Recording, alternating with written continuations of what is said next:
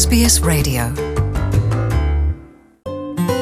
SBS မြန်မာပိုင်းကို အင်ကာနဲ့စနေနေ့ည10:00နာရီမှနားဆင်နိုင်တယ်လို့အွန်လိုင်းကနေလည်းအချိန်မီနားဆင်နိုင်ပါပြီ။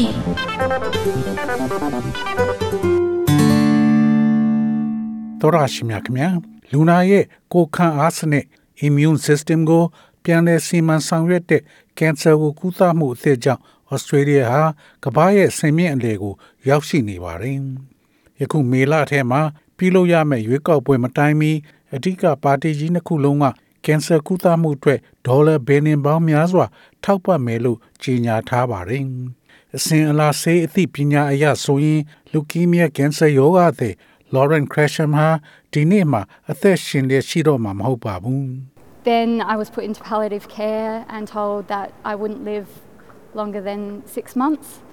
And I remember just being like ကျမကိုယောဂကျွမ်းပြီးကုမရတော့တဲ့လူနာများထားတဲ့ဆောင်းလျှောက်တဲ့နေရာကိုပို့လိုက်ပါပြီ။ကျမဟာ6လထက်ပိုအသက်ရှည်မှာမဟုတ်ဘူးလို့ပြောပါတယ်။ကျမအဲ့ဒီအချိန်ကသွားစဉ်းစားမိတာကိုသတိရမိပါတယ်။ငါကအသက်20ပဲရှိသေးတယ်။ဒါမျိုးမဖြစ်သင့်ပါဘူးလို့ပါ။နောက်တစ်ယောက်ဖြစ်တဲ့ Finian Kenny ဟာ chemotherapy နဲ့ radiation ကုသမှုအချိန်ပေါင်းအတော်များများပြုလုပ်ခဲ့ပေမဲ့သူ့ရဲ့ double hit lymphoma cancer ကိုဖျက်ဆီးမဖြစ်နိုင်ခဲ့ပါဘူး။ဒါပေမဲ့အသက်50ရွယ် Kenny ပြောတာကတော့နောက်ဆုံးပေါ် cellular immunotherapy လို့ခေါ်တဲ့စမ်းသပ်ကုသမှုအသစ်ရသွေးဖြည့်သွင်းပေးပြီးတခါတည်းမှာပဲသူ့ယောဂါကိုပြန်လဲလှည့်သွားစေခဲ့တယ်လို့ဆိုပါတယ် It was my last chance yeah there was nothing else um I responded basically straight away it was within uh, 7 8 weeks I just felt completely better and ဒါကကျွန်တော်အတွက်နောက်ဆုံးအခွင့်အလမ်းမှာတခြားနီလန်းဘာမှမကြံတော့ပါဘူးဒီကုသမှုကိုချက်ချင်းတုံ့ပြန်လာကို တွေ့ရပြီးခုနှစ်ပတ်ကနေရှစ်ပတ်အတွင်းမှာကျွန်တော်လုံးဝသက်သာသွားပြီးအဲ့ဒီအချိန်ကစလို့ကျွန်တော်လုံးဝကိုနောက်ပြန်လှည့်မကြည့်တော့ပါဘူးအသက်24နှစ်ရွယ် Laura Crasham ကလည်းယခုလုံးဝကင်ဆာရောဂါကင်းရှင်းသွားပြီဖြစ်ပါတယ် It's been all clear ever since and um, yeah that's it and it's just a matter of you know recovering recovering my immune system now and getting back to life အဲ့ဒီကုသမှုပြီးတဲ့အချိန်ကစအားလုံးကင်းရှင်းသွားပါပြီဟုတ်တယ်အဲ့ဒါပါပဲအခုခါမှာတော့ကျမကိုခံအားစနစ်ပြန်လဲကောင်းလာဖို့ကိစ္စဖြစ်ပြီးကျမဘဝကိုပြန်ရဖို့ပါပဲကား T cell ကုသမှုကင်ဆာကလူနာရဲ့သွေးထဲက T cells တွေကိုအပြင်ဘက်မှာပြန်လဲစီမံဆောင်ရွက်ပြီးအဲ့ဒီသွေးကို လူနာရဲ့ကိုယ်ခန္ဓာထဲပြန်ထိုးသွင်းပြီး cancer cells တွေကို တိုက်ခိုက်စေတာဖြစ်ပါတယ်။သွေးဖြူဦးထဲကဒီ T cells ကိုအပြင်ဘက်မှာကား T cell စနစ်နဲ့ပြန်လည်စီမံလိုက်ပြီးလူနာခန္ဓာကိုယ်ထဲကိုအဲ့ဒီသွေးကို ပြန်သွင်းလိုက်တာနဲ့ဒီပြန်လည်စီမံထားတဲ့ T cell တွေက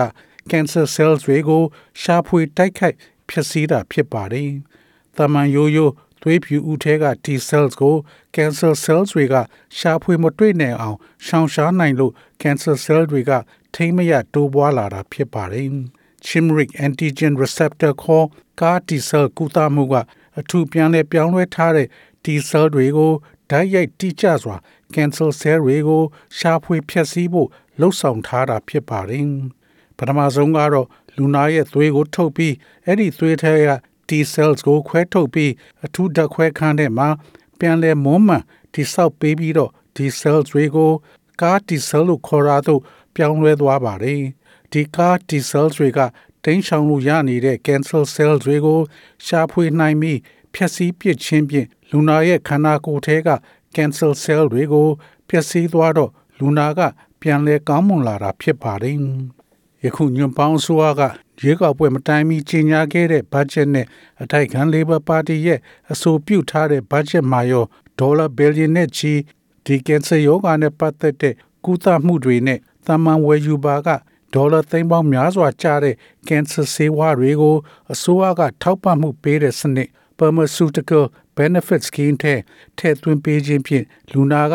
ဒေါ်လာ450လောက်သာပေးရမှာဖြစ်ပါတယ်။ Mr. Morrison က Melbourne က Peter McCallum Cancer Center ကိုဒေါ်လာ10 million ထောက်ပံ့မှုပေးမယ်လို့ဆိုပါတယ်။ This is groundbreaking work that is happening here and this will enable this centre to take its treatment and its capability from its current level to a much greater ဒီမှာဖြစ်နေတာတကယ်ကြီးမားတဲ့ပြောင်းလဲမှုကြီးပါဒါကဒီစင်တာရဲ့ကုသမှုနဲ့လောက်ကိုက်မှုကိုယခုလက်ရှိအဆင့်ကနေ ဒီထက်လွန်စွာကြီးမားတဲ့ပမာဏသို့ပြောင်းရွှေ့ပေးမှာပါအတိုက်ခံခေါင်းဆောင် Bill Shorten ကလည်းကင်ဆာကုသစောင့်ရှောက်မှုအတွက်ဒေါ်လာ1.3ဘီလီယံပေးမယ်လို့ပြောဆိုထားပါတယ် Breast Cancer Network Australia ရဲ့ CEO Kristen Palati ကဒီထောက်ပံ့ငွေတွေကကင်ဆာဖြစ်နေတဲ့လူနာတွေနဲ့ မိသားစုတွေကိုထောက်ပံ့မှုပေးမှဖြစ်ပြီးဒီယောဂါကိုကုသတဲ့နေရာမှာငွေကြေးကုန်ကျတဲ့ဝန်ထုတ်ဝန်ပိုးတွေကိုလည်းသက်သာစေမယ်လို့ဆိုပါတယ် And this will cover items such as mental health programs, chronic illness checkups,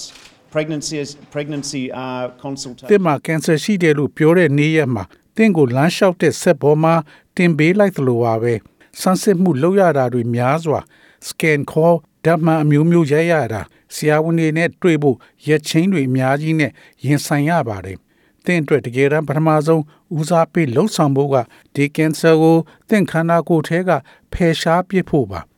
နောက်ပိုင်းဖြစ်ပေါ်လာတာတွေကတော့ငွေတောင်းစာ bill တွေတပုံကြီးထပ်လာသလိုနောက်ထပ်ဇက်တိုက်တဲ့ဒီကုသမှုအတွက်ဓာတ်မှန်ရိုက်တာတို့အတွက်ရောက်ရှိလာပါတယ်။ဒါကြောင့်ဒါကကင်ဆာတွေးရှိတာနဲ့ဖြစ်ပေါ်လာတဲ့စိတ်သောကဖြစ်ရတာရဲ့ အစိတ်ပိုင်းတစ်ခုကိုဖယ်ရှားပေးမှဖြစ်ပါတယ်။သောတာရှင်များခင်ဗျာကင်ဆာကုသဖို့အတွက်မြည်သည့်သူသေသနာမဆိုးက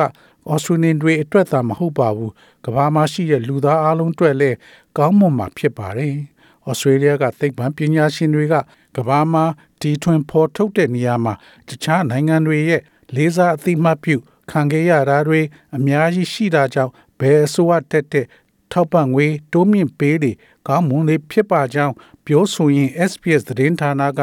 Garrett Bohem ရဲ့ဆောင်းပါးကိုစီလီယိုအောင်ဘာသာပြန်တင်ဆက်ပေးထားတာဖြစ်ပါတယ်ခင်ဗျာ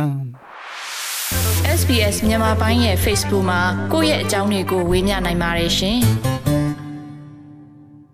Tell us what you think. Rate this podcast on iTunes. It helps other people to find us.